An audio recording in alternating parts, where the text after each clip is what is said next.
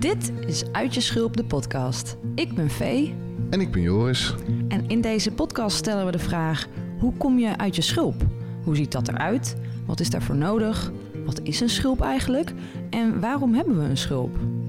We gaan met onze eigen kennis en de expertise van onze gastsprekers op zoek naar antwoorden. De thema's ontwikkeling, mentale gezondheid en connectie staan centraal in onze zoektocht.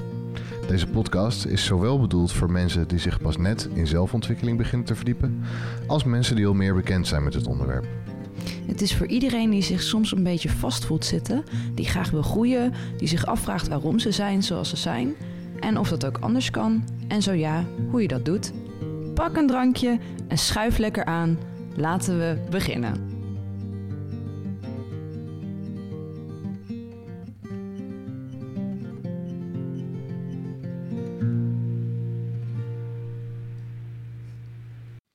Welkom, lieve luisteraar, bij een nieuwe Uit je Schulp de podcast. Met mij Joris en... Met mij Vee. En Vee is weer gezellig in Nederland, dus we zitten hier weer uh, tegenover elkaar. Uh, een nieuwe aflevering met een nieuwe techniek, dus uh, nu zijn we hopelijk echt van alle ruis en storingen af. dus dat is heel goed nieuws. Um, we gaan het deze aflevering lekker compact hebben over een specifiek onderwerp dat te maken heeft met uit je schulp komen of erin blijven namelijk taal. Taal. En uh, ja, uh, vooral dan ook de taal die we uh, naar onszelf gebruiken en over onszelf gebruiken naar anderen toe. Ja. die vaak zo bepalend is voor onze staat van zijn en wat we wel of niet kunnen en wat wel of niet lukt. een uitspraak die ik net met Vee deelde daarover is C'est le ton qui fait la musique. Had zij nog nooit gehoord. Ik ben benieuwd wie van jullie die wel kent. laat het even weten comments of uh, waar dan ook. Dat betekent ja. mensen die geen Frans spreken. Wie, uh, wie spreekt er geen Frans? Ik, ik spreek geen Frans, Joris. Ik ook niet. Okay. Maar deze kan wel. het betekent, het is de toon die de, die de muziek maakt. Dus ehm, nou, in muziek heb je natuurlijk letterlijk mineurstukken en majeurstukken. Hele opgewekte stukken, hele zware stukken. En ook in taal kan je iets op heel verschillende manieren al zeggen. Dus je kan bijvoorbeeld zeggen... Uh, zou je die deur even willen dicht doen? Of uh, doe die deur even dicht. Nou, dus de woorden zijn ook subtiel anders, maar zelfs in zinnetjes waar je dezelfde woorden gebruikt, kan je al wel nagaan van de toon is toch wel redelijk belangrijk. Mm -hmm. Zo ook de toon die je naar jezelf uitspreekt. Ja. Uh, waar wil je beginnen, Vee? Nou, uh, ik wil eerst even beginnen met überhaupt het hebben over woorden. Ja. Voordat we, ik denk dat misschien toon uh, dat we dat voor een later moment beter kunnen doen. Ja. Want dat, dat gaat mij meer naar de emotionele dingen toe. En woorden zijn wat mij betreft iets meer objectief. Ja. En, uh, en tegelijkertijd zijn woorden uh, ook plekken die heel subjectief kunnen worden. Meta. Stop Oeh. met meta. nu, ja, dit, gaat, dit gaat Vee nu uitleggen. Oh god, ja. Oké, okay. uh, een van de dingen die bij mij ook van naar boven kwam... Uh, toen we dit onderwerp een beetje aan brainstormen waren... is dat ik heb geobserveerd dat woorden uh, eigenlijk een soort objecten zijn. Ja. En dat je jezelf in je leven en ook in je hoofd, want je bent constant woorden aan het gebruiken voor allerlei dingen. We hebben Mhm. het al in een eerdere aflevering gehad over ons innerlijk dialoog. En Ja. eigenlijk hebben we daarin toegegeven dat we constant met taal of met communicatie naar onszelf bezig zijn. ja, en soms zelfs conflicterende boodschappen naar onszelf uitspreken. Precies, ja. Dus je bent eigenlijk constant alles door een lens van communicatie of van taal aan het interpreteren. Mhm. Je geeft ook dingen betekenis in, in taal. En woorden zijn, en dit is mijn mening, maar woorden zijn, ik ervaar woorden als objecten waarmee Ja. je jezelf kan omringen. Ja, Dus ehm, eigenlijk wat, wat we vaak hebben is dat we, weet je, we gebruiken taal elke dag, Mhm. constant. Elke seconde van de tijd ben je daarmee bezig, maar we zijn Ja. helemaal niet bewust vaak van hoeveel taal we gebruiken en hoe we onze taal precies gebruiken. Mhm. En heel vaak is het ook zo dat we dingen als heel vanzelfsprekend nemen. En op het moment dat je dus ook maar één seconde neemt om er even bij stil te staan, dan zie je ineens van, oh, wacht eens even, dit is eigenlijk helemaal niet zo vanzelfsprekend. dus voor mij is dus het Kan je een woorden... noemen? Ehm, ga ik zo doen. Ja, ja. Eh, maar in elk geval eh, ehm, dat woorden eh, objecten zijn en dat dat dingen zijn waarmee je jezelf omringt. En Mhm. je kan dus bijvoorbeeld een huiskamer vol met, eh, met, met spullen hebben. Mhm, Of je kan dus een, een lege kamer hebben, mhm. waar die heel, misschien heel kaal of cool is. Eh, of juist precies wat je nodig hebt. En de dingen waar je naar kijkt, dat die je allemaal een goed gevoel geven. Ja, ja. En ehm, Dus de schoonheid en de aantrekkelijkheid van de objecten is afhankelijk van... eh, of de van de- functionaliteit. of de functionaliteit van de, het type woorden dat je verkiest te gebruiken. Ja, in elk geval dus dat woorden zijn, zijn dingen. En die kan je dus ook... eh, soms dan denk je van... ja, maar ik, ik heb deze tafel al twintig jaar in mijn huis staan. Dus die kan ik niet uit mijn huis krijgen dan. Ja. Want dan heb ik geen tafel. Nee, je kan gewoon een nieuwe tafel ergens vandaan halen. Ja, ja. Weet je, of je die nou van de kringloop haalt, of koopt, of zelf in elkaar timmert. Je kan hem altijd voor een andere tafel inruilen. ja. En zo ook met woorden. En een van de, dus om een voorbeeld te geven van een van de dingen die ik als heel vanzelfsprekend nam en die ik dus niet door had totdat ik er echt op ging letten, is het woord moeten. ja. En ik denk dat ik ook niet de enige ben die daar misschien een, een ongemakkelijke relatie mee heeft gehad in de afgelopen jaren. Maar het woord moet, of het woordje moet, of moeten, is zo, zat zo ingebakken bij mij Mhm. dat ik helemaal niet doorhad hoe vaak ik het zei op een dag. En zeker als het ging over mijzelf. Mhm. En als je dus goed kijkt naar... Nou, je hebt allemaal oefeningen die je kan doen daarover. En ik heb heel veel therapie gedaan in mijn leven. Dus Mhm. een van de dingen die we ooit een keertje als oefening hebben gekregen... was ga eens met een minuut lang met een timer zitten... en ga een minuut lang precies opschrijven wat er in je kop gebeurt. En misschien dat ze niet kop zeiden, maar dat is terzijde. Eh, in je noggin. What's going on in your noggin? Ah, dankjewel. Het voelt weer alsof ik aan de andere kant van het kanaal zit. Ja. Ehm, en, ehm, en wat daar bij mij uitkwam, is dat ik een hele straffende toon had. Mhm. En dus een heel erg moetende toon had. Ja, Zeg maar, Ja. ja. eerst kwam de moed naar boven en daarna kwam ineens, oh, dat is eigenlijk heel straffend en kritisch. ja, als je er al even bij stilstaat, dan zit er een hele wereld achter dat ene woordje, achter moeten. Een heel, eh, een heel wereldbeeld, een heel zelfbeeld hangt daar, hangt daar bijna mee, eh, eh, mee samen inderdaad. Ja. Ja. Ja. Ja. Hoe, hoe, hoe was dat, dat wereldbeeld eh, en zelfbeeld? Het was echt een openbaring. En het was, het was vooral een. ehm, het is een beetje een soort culture shock. Want je, Mhm. ziet, je ziet jezelf op een bepaalde manier van... oh ja, ik ben een best relaxed persoon en ja, ik ben best aardig ook. En dan ineens zie je wat je allemaal tegen jezelf zegt... en de toon ook van waarop je tegen jezelf praat. En dan is het van... Wow, ik ben een bitch. Wow, joh. Wat ben Ja. ik gemeen, zeg. Wat ben ik ontzettend gezuur tegen mezelf. En Ja. waarom? Wat heb ik mezelf ooit aangedaan? Like, ja, dat, Ja. dan ineens krijg je van... Oké, dus daar, daar zit iets. Er zit daar een, iets wat, wat zichzelf niet, niet accepteert... en wat zichzelf niet de ruimte wil geven. En iets wat constant tegen zichzelf zegt... je moet anders zijn om beter te zijn. Je bent niet goed genoeg zoals je bent. Ja. Ja, dat is zo interessant. Dat bedoelde ik ook met die wereld inderdaad. Als je denkt aan het woordje moeten, dan, dan zit je...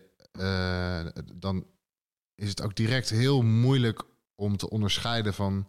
eh, wat komt nou echt uit mezelf en wat is, wat is me opgelegd uit eh, maatschappelijke tradities, familietradities, eh, gezinstradities, gewoontes in vriendengroepen, wat dan ook, weet je wel. Mensen die je cool vindt, rolmodellen.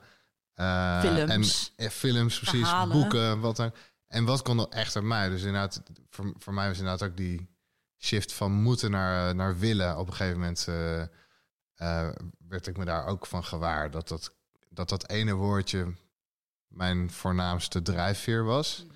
Eh, maar dat dat eigenlijk geen drijfveer is. Dus dat het eigenlijk een, een, een, een, een verdekking is van schaamte en schuldgevoel en zo. En dus dat. eh, en het, zodra je gaat afvragen vanuit het woordje willen, wat wil ik, ga je naar je echte drijfveren, naar je echte behoeftes toe. Ja.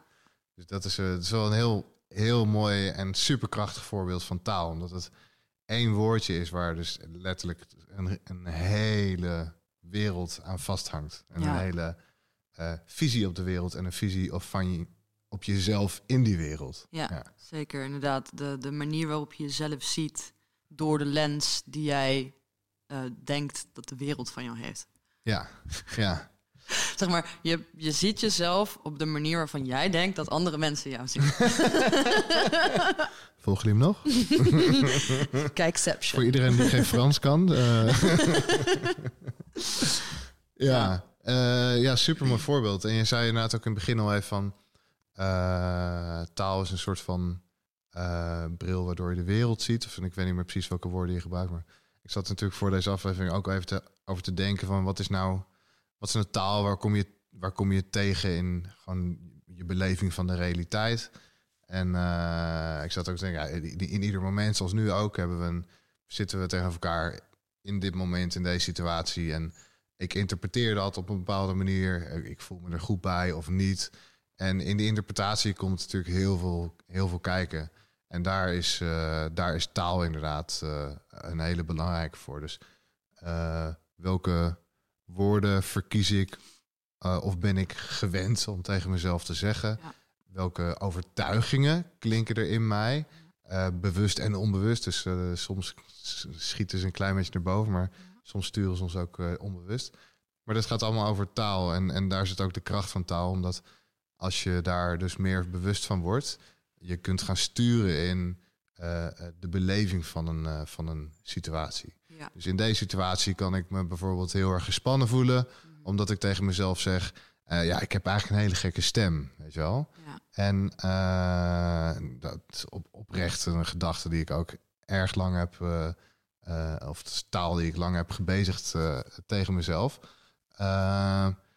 En in het maken van de podcast raakte ik een soort van aan gewend, weet je wel. Omdat Ja. je, waar het eigenlijk op neerkomt is, ik ben het niet gewend om mezelf te horen zoals andere mensen me horen, maar alleen van binnen, zeg maar, met Ja. mijn binnengeluid en zo.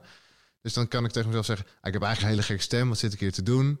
Ehm, en een andere, eh, dus de interpretatie eh, wordt dan eh, gespannen. Dus mijn hele beleving van de situatie wordt gespannen. Ik ga bezig zijn met hoe ik klink. Ik ga bezig zijn met eh, hoe, of ik zie in jouw gezicht. Of, of, je, of je ziet dat ik raar klink. Eh, dus mijn, mijn volledige staat van zijn die wordt geflipt door, eh, door de woorden die ik tegen mezelf kan zeggen. Ja.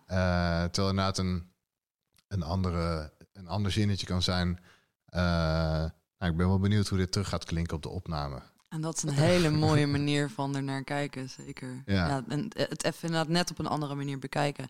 Maar het is, het is heel interessant inderdaad hoe eh, de taal die, die je gebruikt, zeg maar welke woorden je aan iets geeft in je hoofd, hoe, eh, hoe die de ja, ja, je ervaring van iets beïnvloeden. Bijvoorbeeld inderdaad dat idee van, oh, ik heb een gekke stem. Mhm. Ehm, ik heb er nog eentje voor je. Bijvoorbeeld, en dit is iets waar ik tegenwoordig, ik kan het niet meer horen. Dus ik kan, als ik het hoor, dan word ik helemaal, krijg, word ik helemaal ongemakkelijk. Oh, ik ben Ehm, benieuwd. maar als bijvoorbeeld iemand zegt, en dit is iets wat ik zelf namelijk vroeger heel veel deed. Ja. dus als Sorry, we je- gaan nu naar de pauze. Dit is een cliffhanger. Twee minuten stilte. Screw you, man. Tot, we... Hey, we la, laat me praten. Laat me praten. En dat is eh, dat eh, als je bijvoorbeeld een vraag hebt en je stelt die aan iemand die je niet kent, bijvoorbeeld een treinconducteur, wil je eigenlijk vragen of de trein daar en daarheen gaat, weet ik veel. Ja. Je komt naar ze toe en je bent heel onzeker, want je vindt het heel eng om een vraag te stellen aan deze persoon die je niet kent. En je bent bang dat het een domme vraag is. Dus je zegt tegen ze, ehm, misschien een beetje een stomme vraag. ja. ja. En automatisch voelt het dan ook als een stomme vraag. Terwijl wat je ook kan doen is gewoon accepteren van... oké, ik weet niet waar dit station is. Ik heb recht om te weten waar het station is. Of weet ik veel wat je vraag precies is. En in plaats van dat je het dus al voor hun gaat bedenken dat het een stomme... want dat is eigenlijk wat je doet. Ja. Dus je geeft hun al, zeg maar... je geeft door zelf het woord te gebruiken... aan hoe zij de, ervaren, de, de situatie moeten ervaren, Ja, volgens jou. Precies. Zo van, Ja. ik kom hier met een vraag en ik ga ervan uit al dat jij dit een stomme vraag vindt. Dus ik ga het alvast voor jou vertellen hoe jij deze situatie gaat interpreteren. Ja, ja, ja. ik zal je vast, ik zal je vast voor zijn. Precies. Ik ben je vast voor. zodat je me de- deze kritiek niet meer kan geven. Ja, precies. Want dan hebben we dat al gehad en dan hoef ik me niet stom te voelen daarna, want ik voel me al stom. Ja, ja, ja, ja, mooi. Ja, ja dit, dit de, ehm, is een leuk voorbeeld ook dit jaar inderdaad. Want zelfs daarvoor, voordat je het uitgaat, er al een wereld van taal aan vooraf in Ja. jezelf. Ja. Dus de overtuiging die je ook noemde, van oh, ik, ken, ik ken deze persoon niet en, eh, dus, en, en, en dat vind ik eng, weet je wel. Dat is, zo'n, dat is echt zo'n typische overtuiging. Ik vind het eng om met iemand te praten die, die ik nog niet ken. En ook een oordeel gaat er overheen, over jezelf, Ja. over de wereld en over wat je wel en niet kan doen, wat wel en niet gek is of stom is. Ja, ja, Wat je wel en niet mag ook, van ik mag toch dingen niet weten, dus daarom vraag ik het. Het is Ja. toch helemaal niet raar om iets te vragen eigenlijk. Ik heb recht om dingen niet te weten. Ik heb ook recht om dingen wel te leren weten. Of, eh, zeg dat? Ik heb recht op informatie, want ik mag dingen niet weten. ja. Weet Ja. je, ik mag ook gewoon soms even een beetje dom zijn. Uh-huh. Dat mag. Daar heb ik volledig recht op. En tegelijkertijd is dat ook niet dom. Dat is gewoon mens Ja, zijn. precies. Dus, Ja. dat, nou, dus er, er gaan inderdaad een hele, zo, zoveel lagen aan voorde, vooroordelen, oordelen en, en ehm, project, projecties ook. En zo ook overheen. En, Ja. ehm, Ja, het is dus heel interessant om, om, om eh, te proberen om goed te luisteren naar, naar mensen ook. En Ja. Zeker in mijn, in mijn werk is dat heel belangrijk. Om heel goed te luisteren van waar zit iemand nou? En, Ja. en hoe is die zichzelf in taal ook aan het, eh, aan het houden op de plek waar die is... terwijl die ergens anders naartoe zou willen. ja. Ehm, eh, dus moeten en, en willen, dat is echt een, een, een standaard ding. Ja. Eh, maar ook alleen al... ja, vertel. ja, nooit en altijd. Ja, ja, Die zijn ook, die zijn Ja. ook echt, zeg maar... heel, erg, heel erg vasthoudend. Maar ook het, als iemand zegt bijvoorbeeld... ik merk dat ik, eh, dat ik regelmatig te laat kom op mijn werk... en ik, eh, ik, wil, ik wil dat veranderen. Of ik merk dat ik mijn deadlines eh, soms niet haal. Dat, dat, daar wil ik beter in worden. Mhm.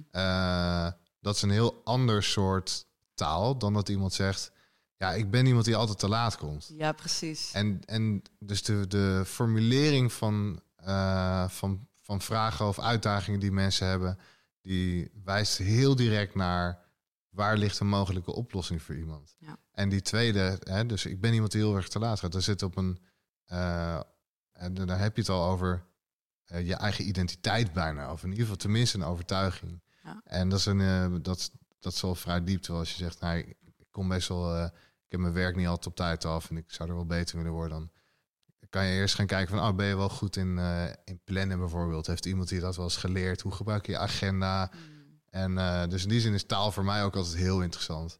En ook wat ik deze week nog had, bijvoorbeeld in een, in een sessie, dat iemand zei: ah, ja, daar ga ik mijn leidinggever dan toch nog maar een keer mee lastigvallen. Terwijl het gewoon een heel oprechte eh, vraag was aan de leidinggevende of iets wat ze eigenlijk spannend vond om, eh, om, eh, om terug te geven, maar wat een, ja, een oprechte eh, werkgerelateerde vraag is. Eh, en dan door dat woordje lastigvallen eh, maakt die persoon zich eigenlijk toch klein. Dat is een beetje vergelijkbaar met wat jij, wat jij net zei over de conducteur. Eh, dus zelfs als zij dat niet uitspreekt, eh, dan komt ze daar toch al in een minderwaardige positie naar die leidinggevende, omdat ze voelt dat ze die persoon gaat lastigvallen. Ja. Dus, de, dus, dus in die zin luisteren naar mensen en dan die woordjes eruit schrappen. Of in ieder geval teruggeven aan ze van, nou ja, hoor je dat je dit zelf zegt? Mm. En eh, wat doet dat met je? Hoe voel je dan als je dat zegt? En hoe voel, hoe voel je als je dat woord vervangt voor iets anders? Mm. Of als je die zin opnieuw opbouwt. En hoe zou die klinken als je hem op- zo opbouwt dat je daar als gelijkwaardige eh, naar die persoon toe gaat. Eh, en niet als eh, ondergeschikte. Weet je, bijna als, als kind of zo, weet je wel. Dus ja, ik, ik ben ook altijd heel, heel gespitst op, op taal en de, de woorden die mensen gebruiken. Ja, Ja. ja. en, en inderdaad, dus die, die de mentaliteit die je kan creëren, of de realiteit die je kan creëren met het je zelfs al denken, niet eens het uitspreken van een woord. Mhm. Dus inderdaad het lastigvallen. En dus dan kom je inderdaad een, een, eh, dat gesprek in, terwijl je dus het gevoel hebt dat je iemand gaat lastigvallen met een vraag die heel schappelijk is. Mhm. Gewoon iets wat heel normaal is. Mhm. Dat is dat kan inderdaad in je hele lichaamstaal dan al uitstralen, waardoor dus die ervaring dan inderdaad een lastigvallen kan gaan worden. Ja.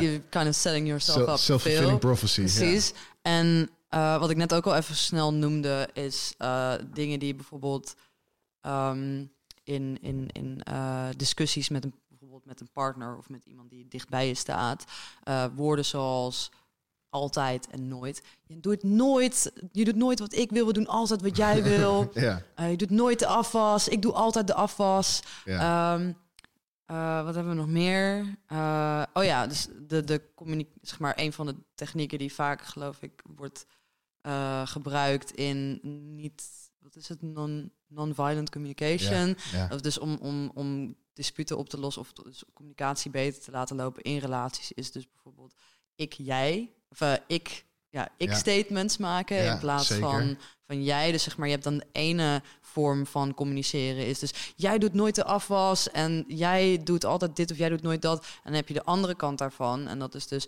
ik heb het gevoel dat ik alles in mijn eentje moet doen. ja. En dat is al compleet anders dan een soort van als je begint met jij. Of, dus er zit zo'n ja, er zit zo'n kracht in, in, in ehm, ook niet alleen in hoe het voor iemand anders geïnterpreteerd wordt, maar ook in hoe het voor jezelf voelt. Want als je dus de hele tijd jij doet dit verkeerd, jij doet dat verkeerd Mhm. en jij doet nooit dit, jij doet nooit dat, hoe meer je dat soort van zelf gaat geloven ook, zelf hoort, Mhm. hoe meer je ook een slachtoffer wordt eigenlijk. En dus ook hoe meer soort van, oh, wat ben ik zielig eigenlijk? En oh, wat, wat, heb ik, wat heb ik een slecht leven eigenlijk? En wat is deze relatie ontzettend slecht eigenlijk? Terwijl misschien helemaal niet zo is. Ja, En dan zijn dus inderdaad die herevaluatie van wat voor soort taal je gebruikt om überhaupt bepaalde onderwerpen te bespreken of bepaalde irritaties te bespreken. ja. Moet je maar eens voelen in jezelf als ik nu zeg tegenover jou, wat jij nu net hebt verteld. Ja, maar... Weet je dan, gebeurt er dan iets bij jou? Nee, Je- nog niet. Sorry? nee, nog niet. Nee, nog niet? Eh, dat is een hele, hele bekende die ik heel veel zie in, eh, in teams. Ehm, waar het soms eh, veel gaat over je gelijk halen en niet over echt naar elkaar luisteren. Mm, Dus dan vertelt iemand zoiets zoals jij net vertelt en dan zeg ik, ja maar... ja, en dan ga ik, iets, precies. ga ik iets anders uitleggen, wat het een klein beetje ontkracht. Ja, En vaak al bij de ja maar gaan mensen soort van in de, defensie. in de defense. ja. Dus in die zin is het ook zo interessant hoe snel taal ervoor kan zorgen dat je in een bepaalde interactiemodus komt met elkaar. Of zelfs emotie. Ja, Komt. zeker. Ja, ja. Wat we ook vaak vergeten is dat sommige woorden eh, herinneringen kunnen triggeren. Mhm. Dus bijvoorbeeld, eh, weet ik veel, dat voor, voor iemand het woord, een woord wat heel neutraal is voor de ene persoon, is misschien een woord wat ontzettend veel eh, zware, zware gevoelens erbij heeft voor de andere persoon. Weet je, als je bijvoorbeeld, stel je voor dat je eh, een ouder, dat je een relatie met een ouder had die heel straffend was Mhm. en dat die altijd een bepaald woord gebruikte Mhm. om bijvoorbeeld die straffendheid te uiten. ja. Eh, ja, dan is je associa associa ah, associatie met dat woord is dan automatisch gekleurd ja. Eh, en, en, en helemaal vertekend door, ja, door die negatieve associatie. Terwijl het misschien ik- voor een ander woord... Zal ik, eens een woord noemen waar ik toevallig deze week aan zat te denken? Het. echt heel grappig dat we nu deze aflevering maken. Ik, ik weet niet meer waarom, maar ik was deze week aan het nadenken over mijn handtekening. En toen ging ik terug in mijn leven naar de eerste keer dat ik dat woord was tegengekomen. Toen was ik een heel klein eh, jongetje. En ik was met mijn vader ergens waar veel mensen waren. Ik weet niet waar. En eh, er stond ook een soort van standje... eh, waar dus blijkbaar mensen handtekeningen verzamelden voor een of andere actie. En die dame die daar stond, die vroeg aan mij... Oh, eh, ma- mag ik jouw handtekening? Maar ik kende het principe handtekening nog niet. Dus ik, dus ik ging zo naartoe en ik zo van... Ja, ik, ik- ja, ja, dat mag wel, maar ik kan niet zo goed tekenen. Oh, En eh, dat is... eh, Dat is zo grappig. Dus ik, was, ik ze dacht zo van ja, ik wil het wel doen, want ze ziet eruit alsof ze het graag wil, dat ze het Ja. nodig heeft of zo. maar ik vind het wel spannend, weet je wel. dus die, die herinnering zit nog steeds voor mij vast aan het woord handtekening. En Ik vind het echt... ja, Superleuk. ja, ja, dankjewel, dankjewel. Ehm, en ehm, dat, dat, brengt me, dat brengt me ook bij een ander eh, interessant voorbeeld uit taal dat ik, eh, weet ik veel, acht jaar geleden of zo een keer hoorde, zeven jaar geleden, in een eh, fantastische podcast. Een aanrader voor iedereen die al onze podcasts al heeft geluisterd. Uh, Radiolab heeft ooit een aflevering gemaakt over kleur, gaat die aflevering. En daarin gaat het onder andere naar, over iemand die een onderzoek heeft gedaan naar het ontstaan van kleurwoorden. En dus je ziet dat bijvoorbeeld in de Ilias van Hom Hom Homerus, volgens mij. Mhm. Ehm, dat daar het woord blauw nog helemaal niet te voorkomt. En dat in alle oude literaire werken het woord blauw nog niet voorkomt. En dat het woord op een gegeven moment is ontstaan. En daarmee de kleur blauw een realiteit is geworden. de zee werd vroeger als wijnrood omschreven. Uh, de lucht, we, we weten niet meer precies. Maar eh, dus voordat ik wist wat het betekenis was van handtekening, wist ik niet dat het dat was. Mhm. En zo, dit is de, de, de, de magie en de kracht van de taal. Voordat mensen een woord hadden voor de kleur blauw, bestond er in hun beleving geen blauw. Mhm. En, um, en waarom ik hier echt nadruk op wil leggen, is omdat dit is wat ik zo veel probeer te bekrachtigen in mijn werk. Dat mensen, dus precies wat jij aan het begin van, uh, van onze uh, aflevering zei, dat je je probeert te omringen met precies de objecten die je nodig hebt. Mhm. Dus de, de, uh, qua functionaliteit, qua schoonheid, qua aantrekkingskracht, qua motivatie. En die worden um, gebruikt die je misschien niet van jezelf natuurlijk heel erg vaak tegen jezelf zou zeggen. Wat ben je lief, wat ben je knap, wat doe je dit goed? Mhm. Eh, of uh, zet hem op, of uh, je kan het, ik geloof in je. en dat dat een ontzettend mooi ingericht huis maakt. Ja. En dat het dus zelfs zo is dat als, als je dit soort woorden nooit gebruikt, dat je, dat je blauw niet ziet. Hmm. Dus dat je ook niet in staat bent om te beleven uh, hoe het is om echt trots te zijn op jezelf bijvoorbeeld. Of echt um, uh, liefde te, te voelen. Of echt je geliefd te voelen. Uh, of te geloven in het feit dat je iets kunt doen. ja, dus dat, vond ik, dat vind ik echt een van de belangrijkste dingen als het gaat over taal. Dus de, de woorden die je naar jezelf gebruikt en de zinnen die je naar jezelf gebruikt, die maken echt of jouw lucht uh, blauw is of, uh, of donkerrood. Ja, heel vet. Ja, mm. ja en inderdaad, de, de, de functionaliteit van, van je omgeving, de, ja, de invloed van je omgeving. Mm -hmm ja, vaak, vaak hebben we zoveel dingen om ons heen waarvan we niet eens doorhebben van dat het of energie slurpt of dat het ons eigenlijk helemaal niet voedt. Mhm. En zo ook met taal en de taal die wij om, onszelf, weet je, inderdaad de kamer. We hebben schoonheid nodig, we hebben liefde nodig in mhm. ons leven. Dat zijn dingen die we even hard nodig hebben als licht en eten. Ja. En uh, geld. Ja. ja, nou, in deze, dit, deze locatie, geografische locatie, in hebben we inderdaad ook geld nodig. Er zijn ook denk ik wel plekken waar dat niet per se. Ja, zeker. Een, een, een paar. Ja. en uh, um, ja, en dus, dus als je je taal gaat, als je bewust wordt van de taal die je gebruikt, en dus dan je taal verandert om dus meer supportive, meer je taal meer steunend naar jezelf toe maakt. Mhm. Dus als je taal verandert, dan verander je eigenlijk ook hoe je je voelt. Mhm. Zeker als het gaat over hoe je over jezelf voelt of hoe je je over een bepaalde situatie voelt. Ja. Um, probeer ik even nog een voorbeeld te geven. Ik heb een poosje geleden een situatie gehad waarin ik een bepaald patroon aan het herhalen was. Ja.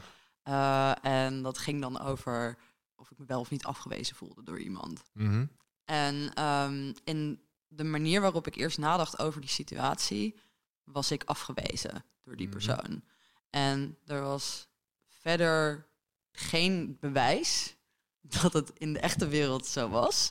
Behalve dan de manier waarop ik erover nadacht. En especially in terms of wat voor een woorden ik aan de situatie gaf. Mhm. En ik voelde me heel erg slecht door die situatie. Mhm. Ik had heel erg het gevoel van, er wordt altijd, ik word altijd afgewezen. Ja, ik word niet geaccepteerd. Ik ben niet waard om eh, aandacht aan te besteden of goed, be- eh, goed behandeld te worden. Ja. En toen, omdat ik heel veel eh, in mijn dagboek schrijf, Mhm. kom ik er dus ook steeds meer achter wat voor soort taal ik gebruik. Ja. Dus ik ging dat opschrijven, hoe ik daarover nadacht.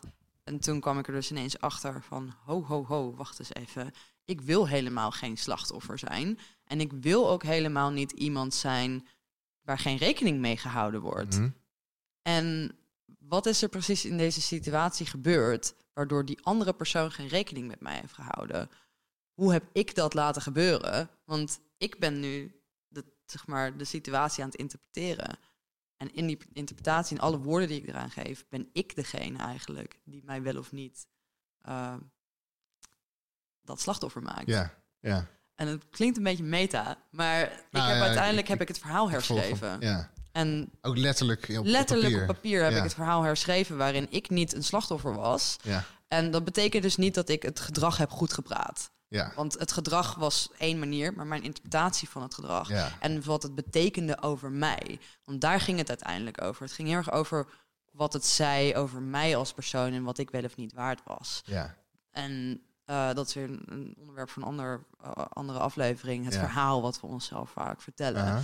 Maar daar komt dus ook de taal die we gebruiken in voor. En, Ja.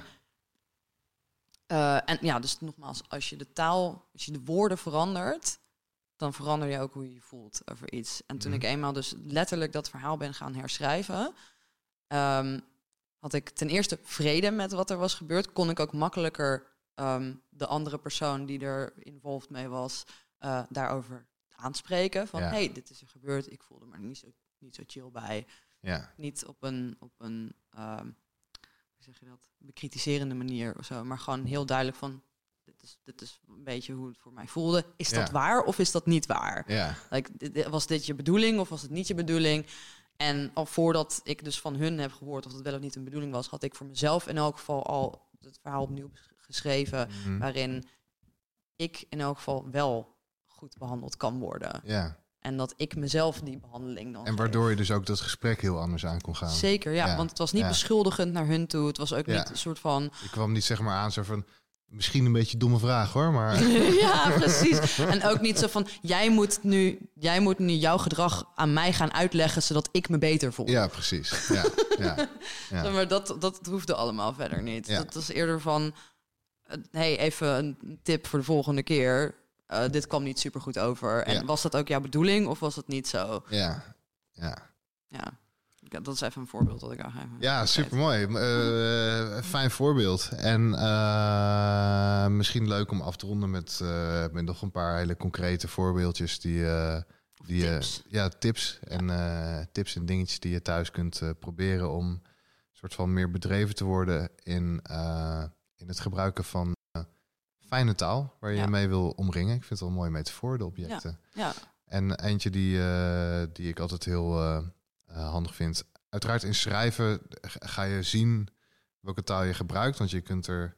Je neemt er even een klein beetje afstand van. Hè? Je gooit het uit je hoofd en je kan er naar kijken.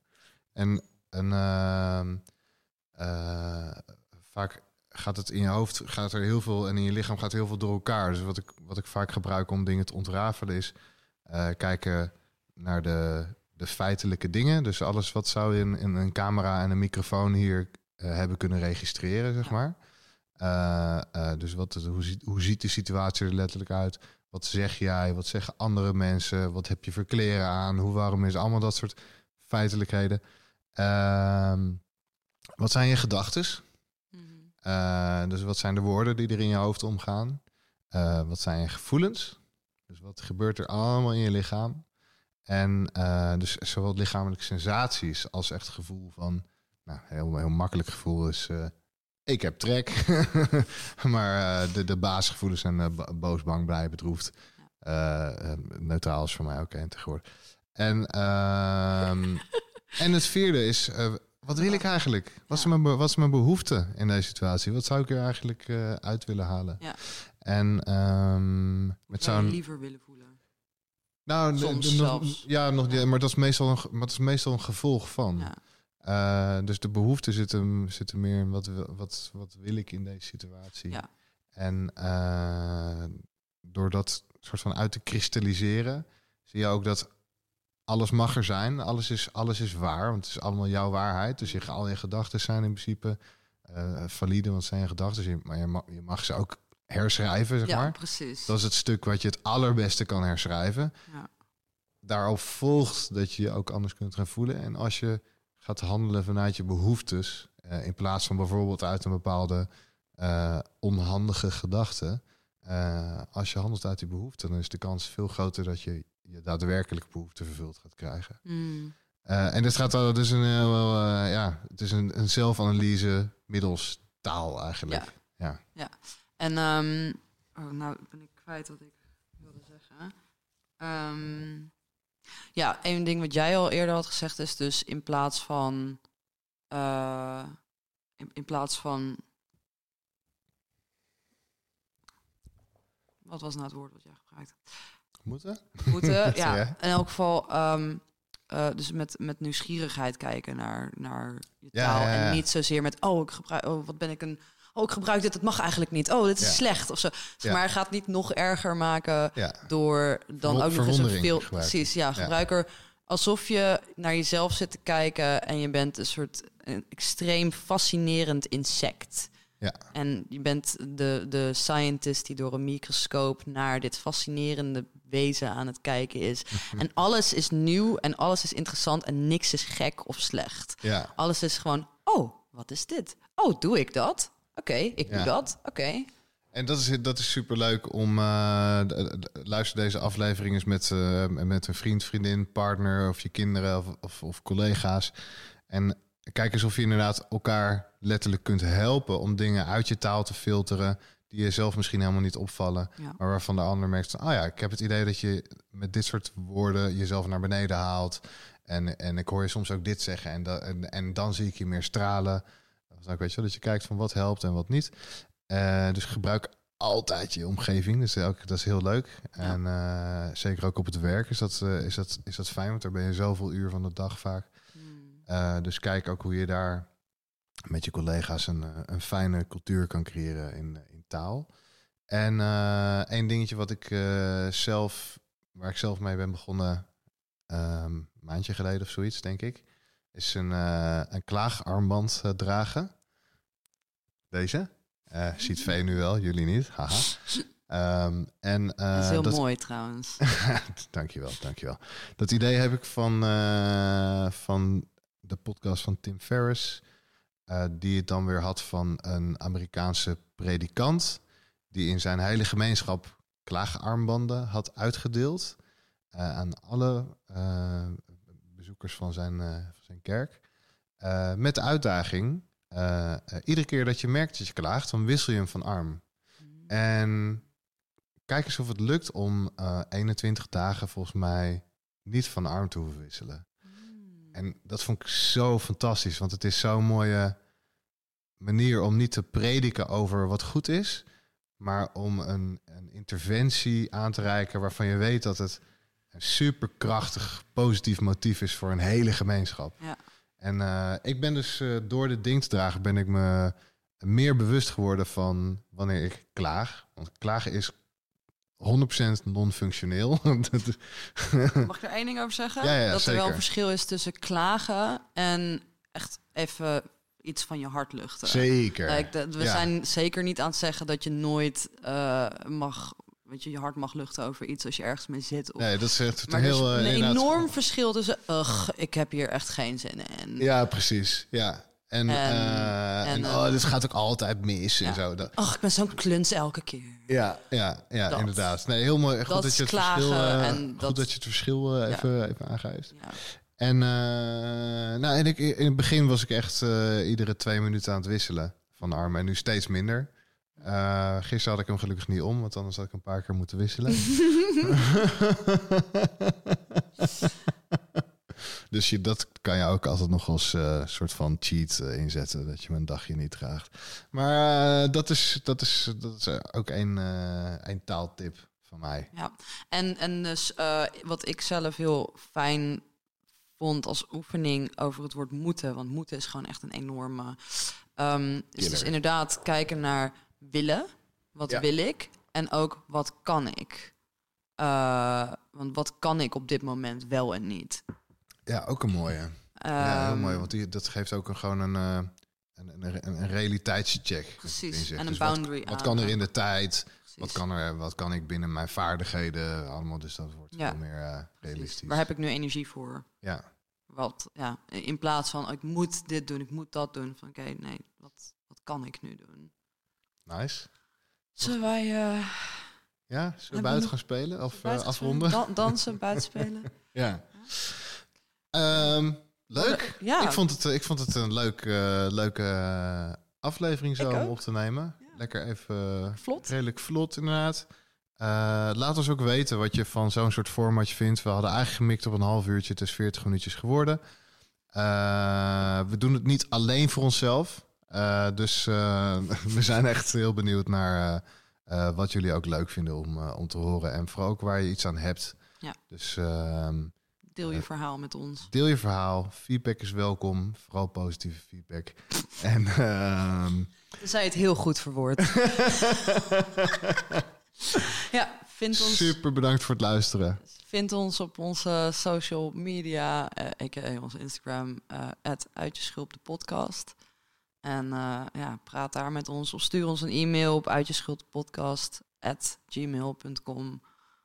Ja, heel erg bedankt en tot de volgende keer. Tot de volgende keer. Dag, dag.